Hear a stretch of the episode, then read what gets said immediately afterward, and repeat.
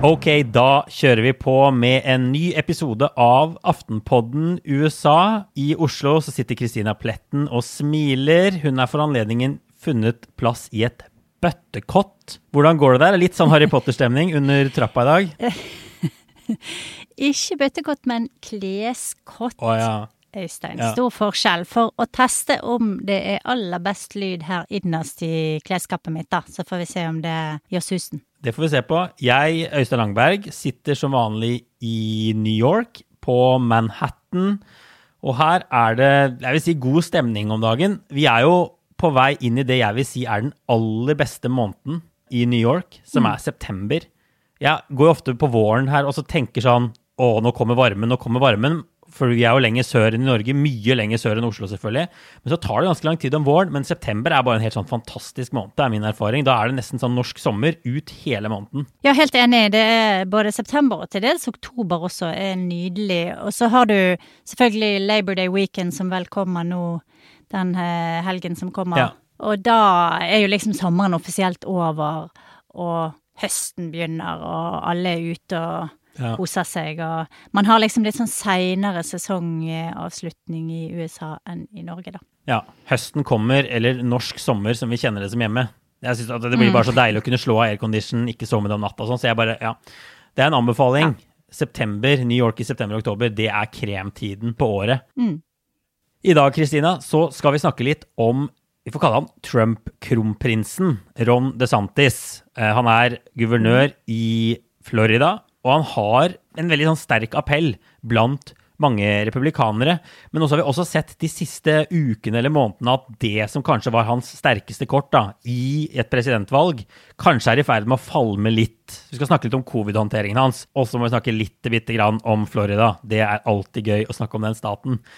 Og så er det sånn at vi har ambisjon om å komme ut med denne podden på tirsdager, selvfølgelig. Men vi har kommet ut på onsdager et par uker på rad, og sånn er det bare ganger. Noen ganger så kommer ting, ting i veien, men det er tirsdag som egentlig er, er dagen vår. Men Kristina, hva er det viktigste som har skjedd siden jeg snakket med deg? Ja, vet du hva, Det var jo faktisk på fredag. Vi lagde jo en ekstraepisode om Afghanistan. Og det er vel kanskje det viktigste som har skjedd siden den ekstraepisoden òg. Det stemmer jo. Det har vært en storm som står på nå, da. Stormen Ida. Det er jo også en ganske stor story, men eh, det er klart at eh, nå har USA offisielt avsluttet evakueringen fra Afghanistan. Vi snakket på Ekstrapodden om dette terrorangrepet som tok livet av 13 militære eh, personell, eh, amerikanske. En av mødrene til en av disse unge soldatene har gått ut rasende mot eh, president Biden i sosiale medier, med det resultat at kontoene hennes er blitt suspendert av Facebook og Instagram. Det er en kjempestor historie, i hvert fall på høyresiden i USA nå. Og så er det også en historie som er litt sånn rar og veldig amerikansk, om noen hunder som skulle evakueres, og som Forsvarsdepartementet har sluppet løs på flyplassen istedenfor å ta med seg, og som nå også veldig mange folk er opprørt og sint over. Så her er, her er mange innganger på denne historien, for å si det pent. Ja, og vi har laget et par episoder om det i det siste, og vi kan bare anbefale folk å høre på de, men, men i dag var jo, og de siste dagene har vært denne mission accomplished, altså krigen er over-overskriftene i avisene, men det ble jo på en helt annen måte enn Biden hadde håpet på, får vi si. Dette kunne jo vært en, en vinnersak for han. Det er det jo åpenbart ikke, i hvert fall ikke nå sånn på kort sikt, så er dette en tapersak, og det kommer til å bli handle en del om Afghanistan også i ukene fremover, da, selv om det vil fade helt sikkert en del fra mediene også.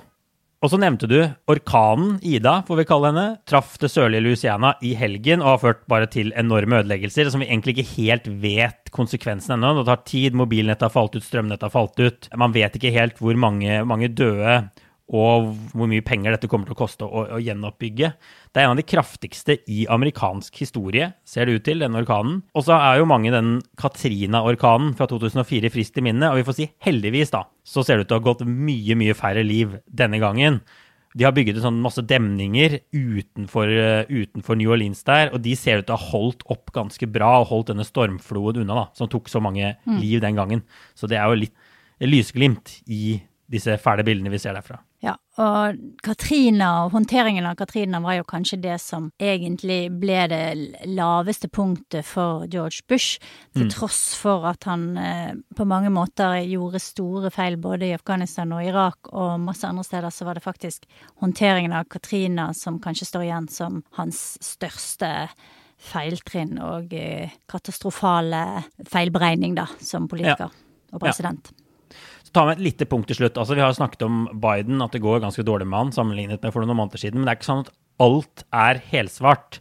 Vi får si at denne politiske agendaen består av flere ting, bl.a. en infrastrukturpakke og en sånn stor økonomisk pakke med skatteøkninger og masse demokratiske hjertesaker. Og vi er stadig innom de, vi får lage en dedikert episode til dette etter hvert, men de har nå rykket enda et hakk nærmere å bli vedtatt. Så kanskje om noen måneder da, så ser ikke ting like mørkt ut for Biden som det gjør nå. Vi får bare, får bare følge med. Men ok, Kristina. I dag så skal vi snakke om eh, kronprinsen i det republikanske partiet, Ron DeSantis. Det er jo fortsatt sånn at vi ikke helt vet om Donald Trump kommer til å stille igjen i 2024. Han holder kortene tett i brystet. Han, han, han, han erter jo mediene hele tiden og legger ut han, han, går langt i å hinte om at han kommer til å stille igjen. Men vi får vente og se. Og det som i hvert fall er sikkert, er at veldig mange har lyst til å stille hvis han ikke stiller, da. De står i kø, og du ser at folk driver og posisjonerer seg. Og om de da ikke får stille i 2024, så blir det i hvert fall i 2028, da. For Donald Trump kan jo kun sitte én periode til. Og da er altså Ron DeSantis det aller, aller heteste navnet av disse Trump-alternativene. Vi får snakke litt om altså, bare hvorfor han har endt opp der, og hvem han er. Eh, vi nevnte guvernør i denne folkerike staten Florida siden 2019. Da vant han guvernørvalget med en veldig, veldig knapp margin. Hva mer kan vi si om han? Altså, DeSantis var jo, før han ble valgt til guvernør, så var han kongressmann i ganske ja. mange år. I en eh, fem-seks år. Han prøvde seg også i senatsvalget i 2016, men trakk seg ganske kjapt derfra. Eh, prøvde mm. å utfordre Marco Rubio. Eh, som også har sikkert presidentambisjoner fortsatt, for øvrig. Og så er jo DeSantis også en interessant fyr, fordi at han har på en måte hele CV-en som hører til en eh, vellykket presidentkandidat. Han har vært i militæret, han har vært som Navy Seal, han har vært mm. eh, utstasjonert i Irak. Han har også utdanning fra Harvard og fra Yale. Han har gått på um, Harvard Law School, samme som Obama, eksempel. Så han mm. er eh, virkelig en mann å se opp for. Men så samtidig så kom han jo liksom litt sånn overraskende inn fra Høyre. Han hadde en kometkarriere og eh, eh ble ganske overraskende republikanernes kandidat i 2018 mm. etter at han fikk støtte fra nettopp Trump. Og støtten fra Trump løftet han da til seier, og så har han da spilt kortene sine veldig smart siden det, og, og har liksom seilt opp som den store kronprinsen. Det har gått veldig fort, og ja. ingen, tror jeg, hvis du hadde spurt dem for tre år siden, ville nevnt DeSantis en gang som en mulig, uh, mulig kronprins. Så det, det er superinteressant. Ja, det er superinteressant. Det er som du ser, altså, han, han, han, var egentlig en slags sånn Tea Party-mann. altså Den der protestbevegelsen som starta mot Barack Obama, liten stat. Og, men han var egentlig ikke veldig kjent som kongressmedlem. Han var ikke en veldig sånn profilert person. Før han ble litt sånn ble han hentet ut fra obscurity, som de, sier på engelsk. Altså, Trump. Han har i hvert fall Eh, Donald Trump har i hvert fall vært helt sentral for karrieren til DeSantis. Han hadde neppe vært guvernør i Florida nå hvis det ikke hadde fall Donald Trump stilte seg bak han i da først primærvalget da, til dette valget, um, guvernørvalget da i 2018, og så mm. da senere i, i liksom hovedvalget da mot, mot denne demokraten. Og det er jo veldig mange som trekker sammenligninger mellom DeSantis og Trump. Du nevner jo også militærkarrieren hans. da Han har jo også en, en, familie som er en sånn, sånn perfekt sånn presidentfamilie. Altså han har en, en, kone Minner jo litt om Trump, det her òg. Tidligere TV-programleder eller sånn presentatør på bl.a. en golfkanal. Hørte at de møttes mens de spilte golf også. Og, og så, så, det er jo også en, en, del av pakka hvis man skal stille til, mm. til president og ha denne søte familien sin ja, på scenen. Han, han, på papiret så er han jo en mye bedre kandidat enn det Trump noen gang var. Altså, han, eh, han gikk ut både fra Yale og fra Harvard med, med toppkarakterer. Han har faktisk vært i militæret, som jo Trump aldri ja. har, eh, har, vært. Og eh, jeg så han faktisk rett før han vant guvernørvalget. Da var jeg på sånn valgkampmøte i Florida, og der Trump kom. Og blant annet DeSantis var, og det var voldsomt eh, et folkehav, og han var liksom borte og hilste på folk og var veldig, eh, veldig sånn eh, på hugget, og holdt seg mm. hele tiden veldig tett til Trump, da. Eh, ja. Så jeg tror at han har Og han er jo bare 42 år, så han eh, Her har du en mann med store ambisjoner som helt åpenbart har vært sånn utrolig målbevisst, og kanskje vil noen si litt kynisk, i måten han har eh, formet sin karriere og posisjonert seg i det republikanske partiet. Han har hatt liksom Han har truffet planken helt perfekt, for å bruke en ja. sportsmetafor. Ja, og Vi må snakke litt mer om akkurat hvordan han har, han har truffet planken. men vi får også si litt om altså, hva, han, hva, han, mener, hvor han står politisk.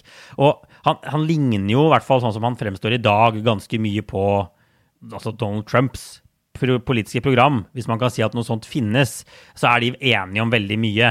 Uh, noen vil kalle han en Trump light på en del områder. Altså Han er kritisk til innvandring.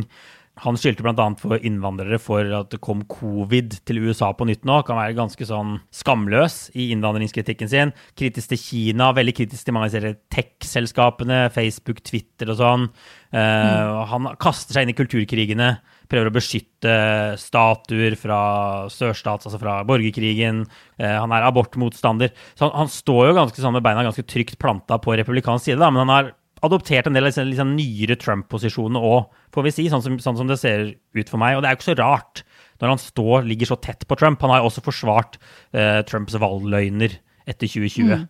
Han er jo, han personifiserer på en måte utviklingen i både i Tea Party-bevegelsen og det republikanske partiet. For når han begynte som kongressmann, så var han mest opptatt av eh, motstand mot skatter og avgifter. Og det er vanskelig, ja. det er lett å glemme nå, men Tea begynte jo som en uh, protest mot skatter og avgifter, faktisk. Og så liksom beveget det seg over på helse, helsereformen, og så kom alt dette her andre, innvandring og rasisme og cancel culture. Det har liksom blitt, uh, blitt lesset på etter hvert, da.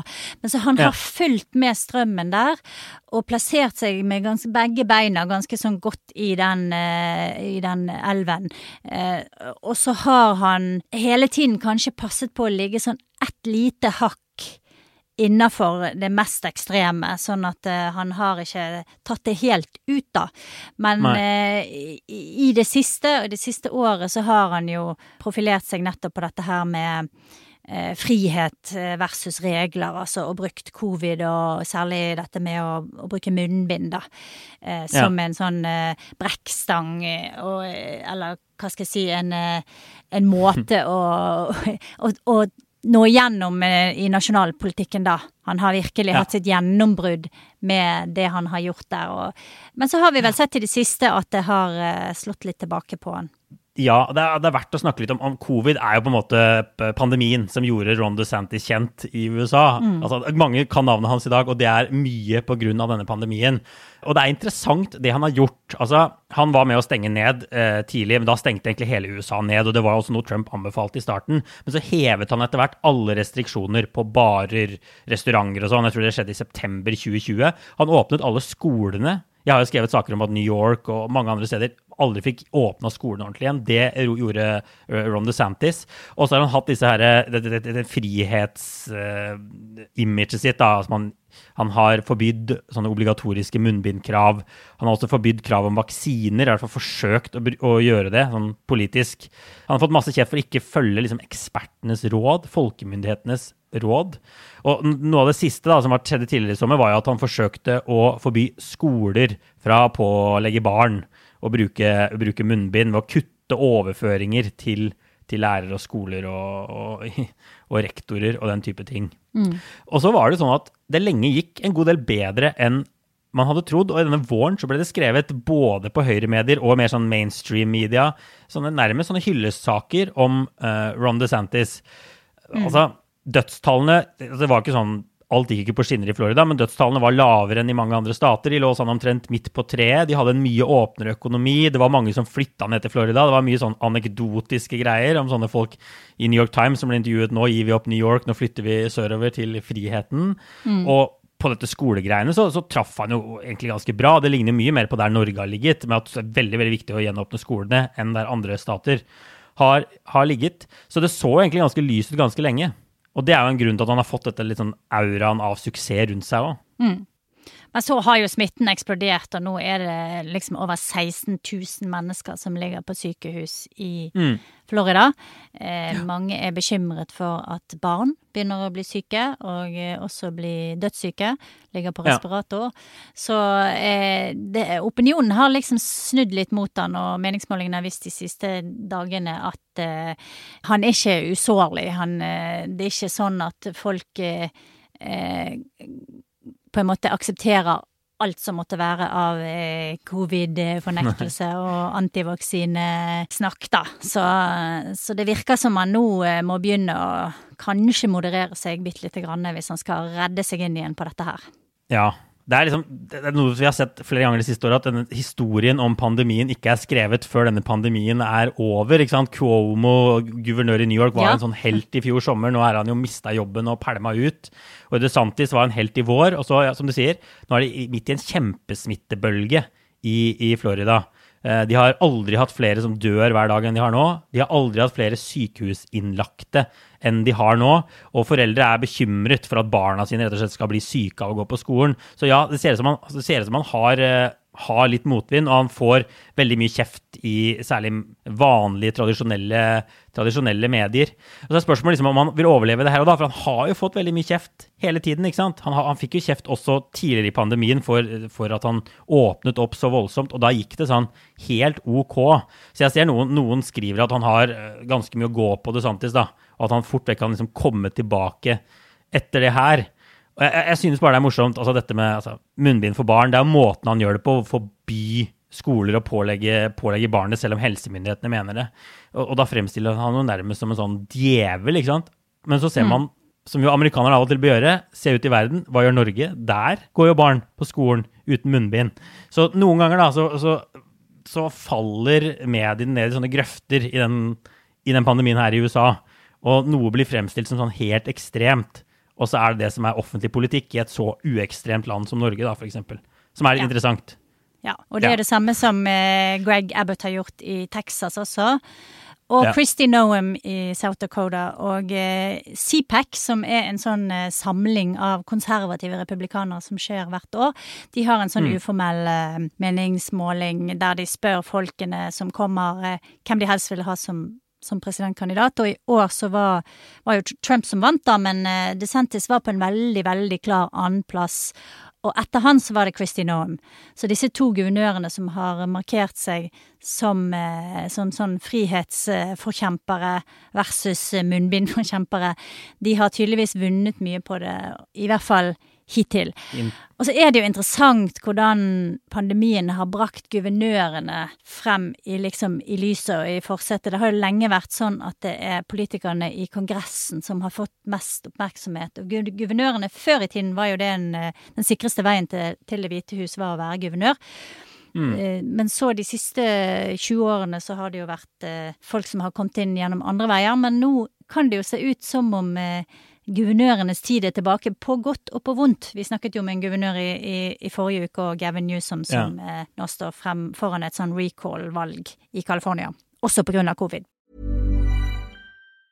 When you're ready to pop the question, the last thing you want to do is second guess the ring. At BlueNile.com you can design a one-of-a-kind ring with the ease and convenience of shopping online. Choose your diamond and setting. When you find the one, you'll get it delivered right to your door. Go to Bluenile.com and use promo code LISTEN to get $50 off your purchase of $500 or more. That's code LISTEN at Bluenile.com for $50 off your purchase.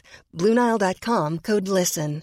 Hey, I'm Ryan Reynolds. Recently, I asked Mint Mobile's legal team if big wireless companies are allowed to raise prices due to inflation. They said yes. And then when I asked if raising prices technically violates those onerous two year contracts, they said, What the f are you talking about, you insane Hollywood ass?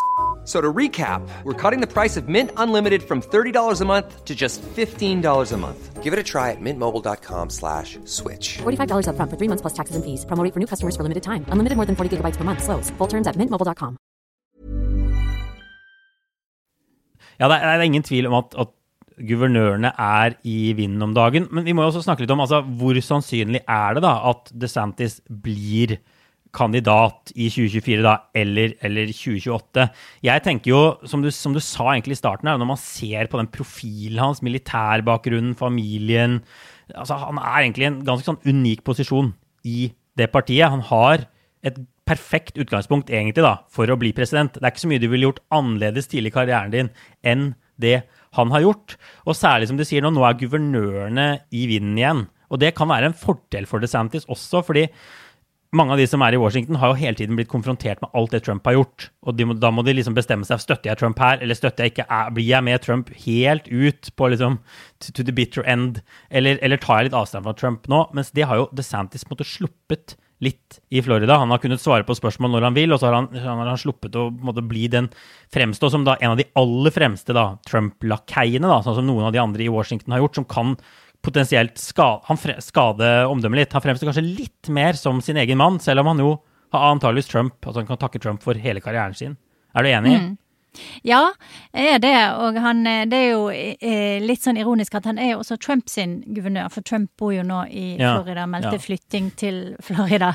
Eh, men jeg så en kommentator som skrev noe interessant, skrev det at eh, DeSantis må også passe seg, for hvis han får for mye oppmerksomhet og blir mer populær enn Trump, så ja. har vi sett tidligere at Trump veldig fort kan snu seg og eh, ikke like deg så godt lenger allikevel. Så han må liksom eh, balansere litt på stram line her mellom å, mellom å, å gjøre en kometkarriere og ta mye plass, og samtidig kanskje være litt sånn ydmyk og eh, trå litt tilbake så lenge Trump fortsatt har den, det grepet om velgerne som han har, da. Og så vil jo se kanskje til neste år, skal vel DeSantis stille som eh, til gjenvalg, så vil man mm. jo se hvor mye covid-håndteringen har betydd.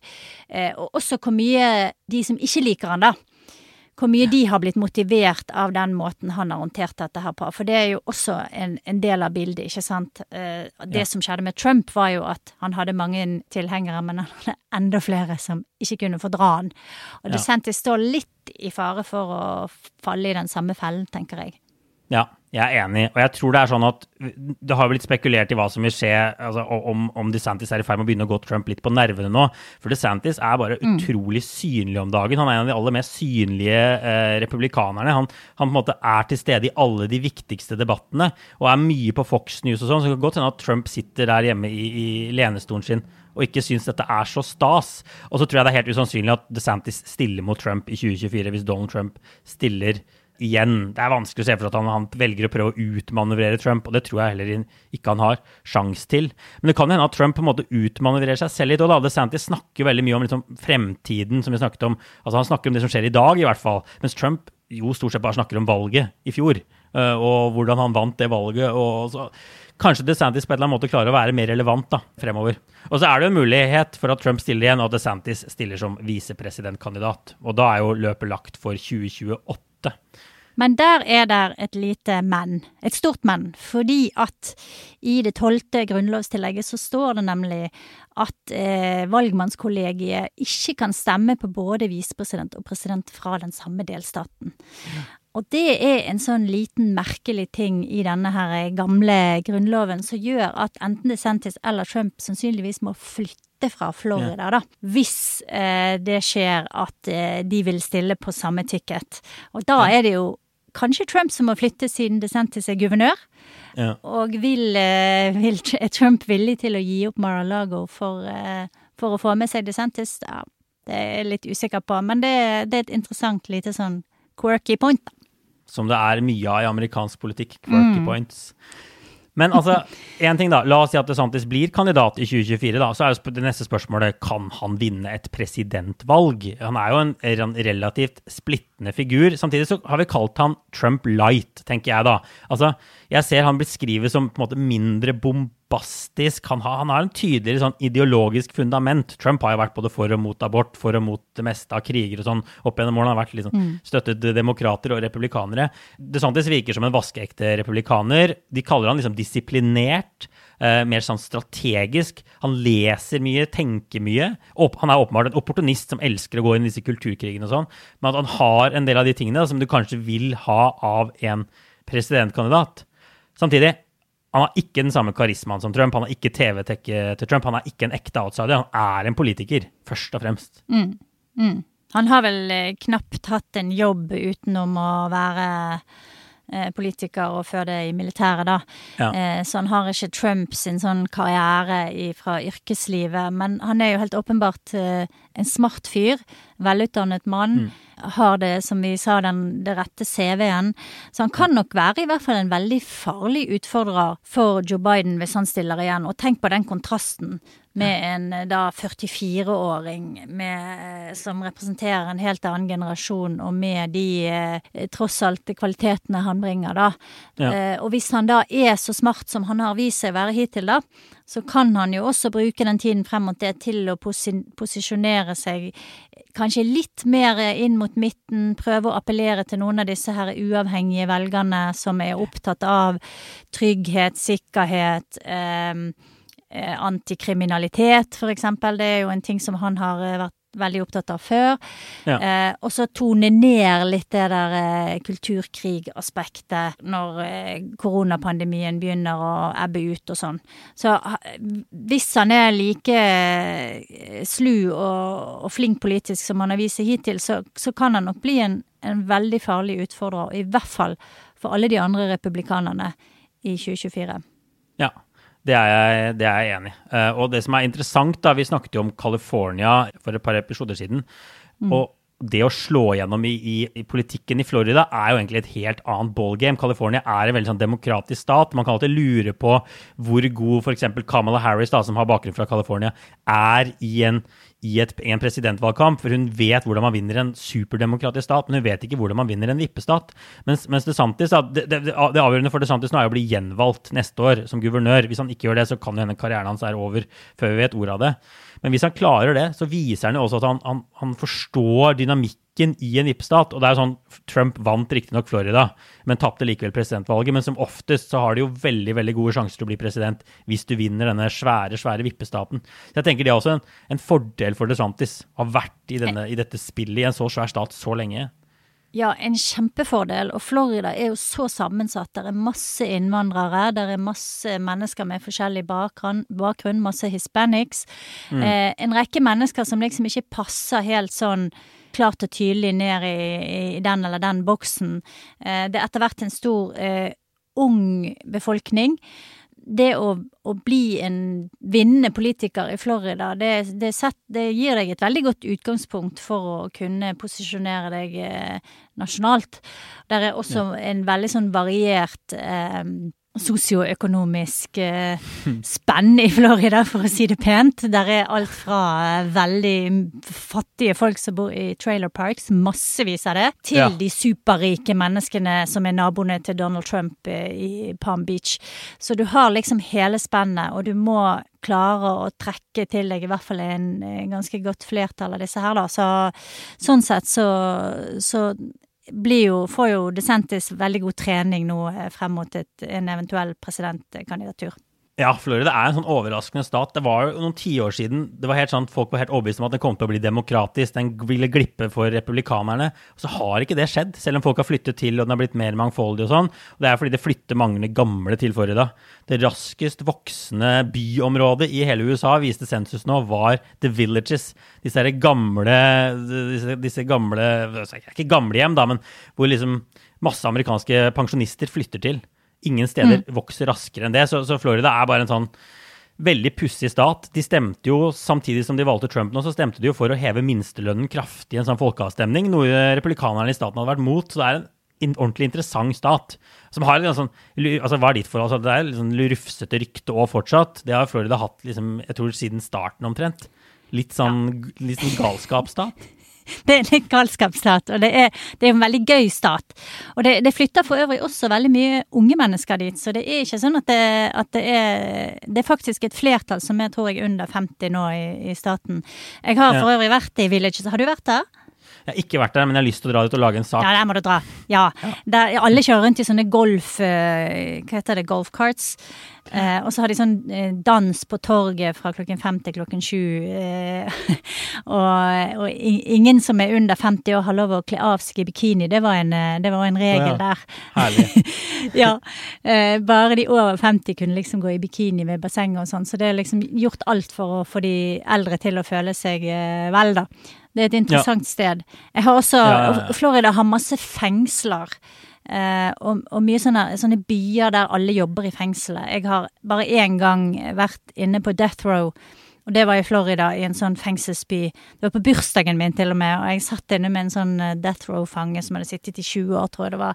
I eh, tre-fire timer og snakket med han. Noe av det mest deprimerende jeg har vært med på i hele mitt liv. Og hele den byen. Og, så det er mye sånn her utrolig triste, deprimerende steder i Florida. Og så er det utrolig mye spennende, flotte steder. Og everything in between. Og så har de jo helt sør eh, Florida Keys og, Som og. Everglades og naturområder. Ja, så den har jo alt. Men du nevnte bursdagen din. Når er det du har bursdag, Kristina? Skal jeg Jeg sjekke har nå her? bursdag eh, 18. mars. 18. mars, ja. Er det min Florida det- Man du skal sjekke nå? Ja, vi skal sjekke det. Jeg tror det har noe med pannekaker en, å gjøre. En, tradisjon er jo på bursdagen Ja. sin å google, google fødselsdagen og Florida Man og se hvem som er din Florida Man. For Florida Man er jo sånt uttrykk Ja. på all den galskapen som skjer der nede. Det er veldig gøy. Jeg tror du har flere. Har det noe med pannekaker å gjøre? Yes, a 45-year-old Florida man is accused of throwing a bowl of pancake dough at the woman preparing dinner. Ja. Så det er din Florida man, altså pannekakekastende 45-åring.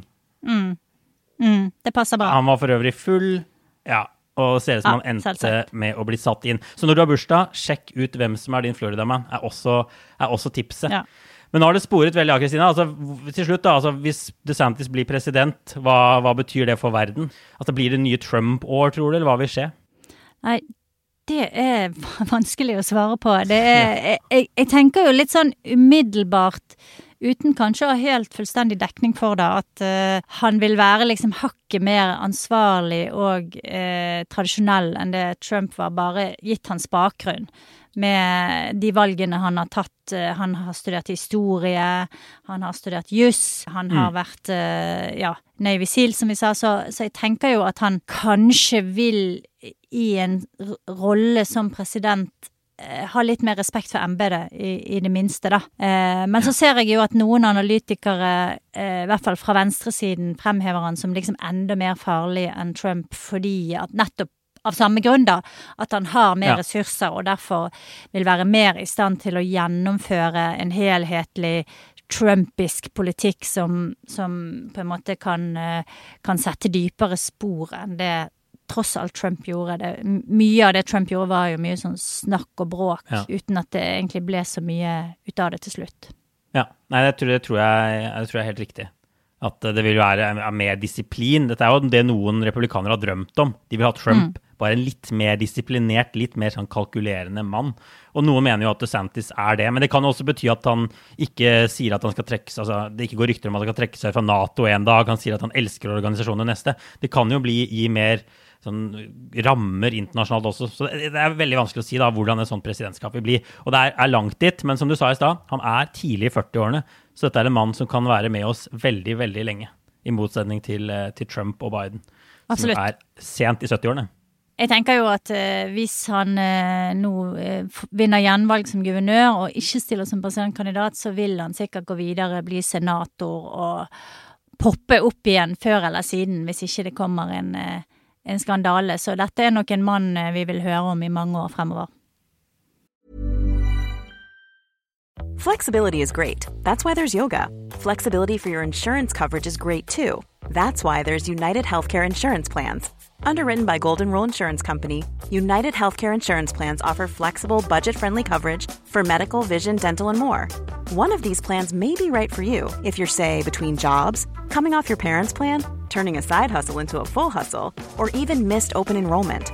Want more flexibility? Find out more about United Healthcare Insurance Plans at uh1.com. Say hello to a new era of mental health care. Cerebral is here to help you achieve your mental wellness goals with professional therapy and medication management support. 100% online. You'll experience the all new Cerebral Way, an innovative approach to mental wellness designed around you. You'll get a personalized treatment plan from a therapist, prescriber, or both in a safe and judgment free space.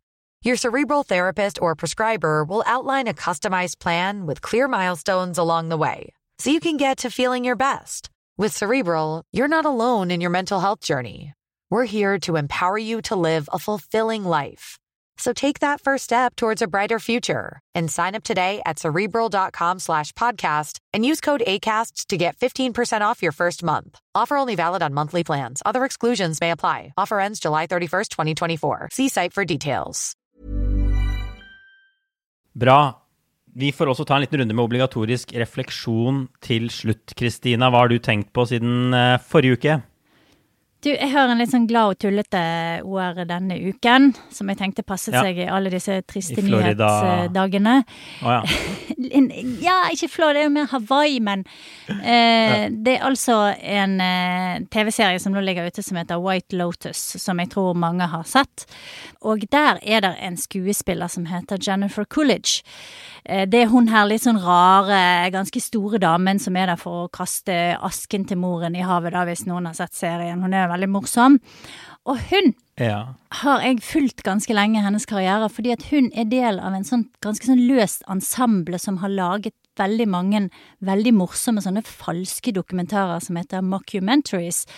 Eh, og det er litt tilbake i tid, men hvis noen liksom kjeder seg en kveld har lyst til å se noe gøy og liksom noe litt sånn eh, humorhistorisk, så eh, begynte det med Spinal Tap, som jo er en klassiker fra 80-tallet, og så er det også en film som heter Waiting for Guffman og Best in Show. Siste handler om en hundeutstilling, en sånn eh, mockumentary for en hundeutstilling der Jennifer Coolidge har en av hovedrollene. Eh, og den gjengen var for øvrig også den som eh, etter hvert, eller mange av de da, eh, laget den TV-serien som heter Shits Creek, som jo er kjempemorsom komiserie, og som vant masse Emmy-priser. Nå er jeg med. Den, ja. en, lang, en lang dags ferd mot et poeng.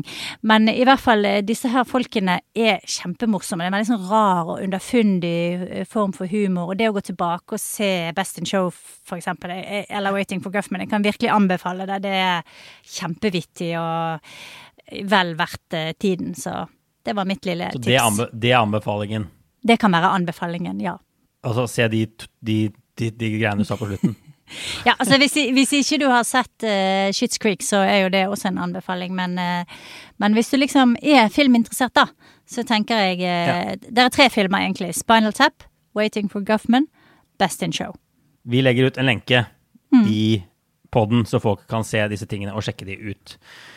Uh, Min OR er ikke så morsom. Jeg har tenkt litt på den siste uka hvordan mediene, og særlig der vi kan kalle vanlige, da, tradisjonelle medier, har dekket Afghanistan, sånn her i USA. Og jeg har av og til vært litt sånn overrasket over hvor utrolig hardt de har tatt Joe Biden, f.eks. på CNN. Eh, ikke bare gjester, men også, også programledere har gått liksom langt i å komme med meningsinnhold, kalle dette for liksom en fiasko, katastrofe, karakterisere det sånn historisk også. Og det har jo vært et voldsomt kaos. Vi har laget ekstraepisoder om dette. Dette er, ikke sant Man kan argumentere for at dette er dårlig håndtert, og argumentere ganske godt. Men jeg syns liksom nesten har vært på e- grensen til ensidig til tider. Da. Veldig lite av sånn hvor man drar opp det store bildet, snakker om alle pengene, alle som har dødd de siste 20 årene, alle afghanerne som har dødd det siste året. Få med disse, disse perspektivene her, da, som jo er viktige for, for Bidens side av historien, men også viktig for å fortelle den Afghanistan-historien. Og, og det er en eh, Jonathan Scheidt i New York Magazine som har skrevet en, han skrev en artikkel som heter 'Why the media is worse for Biden than Trump'. Og det er en litt sånn annen kritikk, egentlig, da. Han mener at eh, demokratiske presidenter har det vanskeligere enn en republikanere. Han, han sier at det er masse skjevheter også hos vanlige medier, altså sånn som CNN og sånn, men at høyresidemediene i enda større grad da, fungerer som en del av det republikanske partiet. Så, så tradisjonelle medier har fortsatt en del journalistisk uavhengighet, sier han. Eh, De vil dekke kaos og kriser som kaos og kriser, mens det vil aldri Fox gjøre. da. Og han går ekstremt langt. ikke sant? Eh, Han sier at alle demokratiske administrasjoner vil oppleves som en sånn mixed bag eh, når man ser på mediene, mens høyresidens administrasjoner vil oppleves som enorme triumfer. da. av de som ser på sine kanaler, f.eks. på Fox News. Så jeg, tror liksom, jeg vet ikke om han har helt rett i det, men jeg syns det er noen interessante ting han, han, uh, han, trekker opp. Og man kan lure på hvordan f.eks. Fox ville dekket en helt lik uttrekking om Trump sto bak. Jeg tviler på at de ville dekket den sånn som de har gjort nå, da, f.eks. Ja, det er jo en sånn interessant test. Altså, jeg tror at eh, Fox, hvis det var omvendt, da Hvis det var Biden som hadde gjort en avtale med Taliban, og så var Trump nå i situasjonen til, til Biden, så ville, man, eh, ville Fox News ha, ha, fokusert helt ensidig og enøyd på den der uh, utrolig dårlige avtalen med Taliban som, uh, som Trump mm. gjorde. Så det er helt sant, altså. Og så skal det jo føyes til òg at Biden var jo ikke noen favoritt blant de mer eh, venstrevridde mediene, ikke sant. De hadde jo kanskje Elizabeth Warren eller til og med Bernie Sanders som sto deres mm. hjerte nærmere, hvis man tenker på sånne personligheter som Rachel Maddow, for eksempel. Så, så Biden har nok ikke det støtteapparatet og, og de menneskelige relasjonene til journalister og til viktige mennesker i medielandskapet på samme måte som f.eks. Elizabeth Warren har, da, som også gjør at det mm. kanskje mm. han ligger liksom litt tynnere an når det går dårlig. Ja, det kan hende. Altså, det jeg tror som, sikkert, som sikkert er sant, er at Trump nesten aldri, uansett hva som skjedde, ville oppleve sånn elendig dekning hele spekteret av medier, fra Fox til CNN. Han fikk mye kjeft på CNN og MSNBC, men han hadde alltid Fox som ville greie å få selv 6. januar til å handle om andre ting enn Trump. Selvfølgelig på 6. januar så mm. viste de bilder av det som skjedde og sånn, men, men var, de har en sånn evne til å spinne, da, og særlig disse menings, meningsfolka. Mens Biden nok i større grad kan oppleve sånn massiv kritikk fra alle sammen når han gjør en feil, så han har nok litt rett i det. Men jeg må likevel si at jeg syns det, liksom det mest sånn, sjokkerende, det jeg er mest overrasket over, er at mediene er såpass liksom, haukete, intervensjonistiske etter alle disse årene. Da. Man skjønner litt av den dynamikken rundt 11.9., kanskje. Uh, og at mm. man har veldig lett for å liksom, tenke at militæret må gripe inn og løse dette problemet. Folk lider. Uh, og at det fortsatt sitter i, da, også hos uh, de vanlige mediene i USA, så lenge etterpå. Mm. Og der er jo mange militære personligheter som også er hentes inn som sånne eksperter, og, og får sitte og, og, fremme sitt perspektiv, da. Sånne mm. gamle mm. generaler og ja, som, som, selvfølgelig også har en agenda og, og er ikke helt nøytrale. Ja. Nei, det, blir, det har vært interessant, noen interessante uker å se akkurat hvordan dette har blitt dekket. Jeg tror vi bare setter strek der, Kristina, og så er vi tilbake om en uke, vi, med en ny episode. Og inntil det så får alle ha det bra.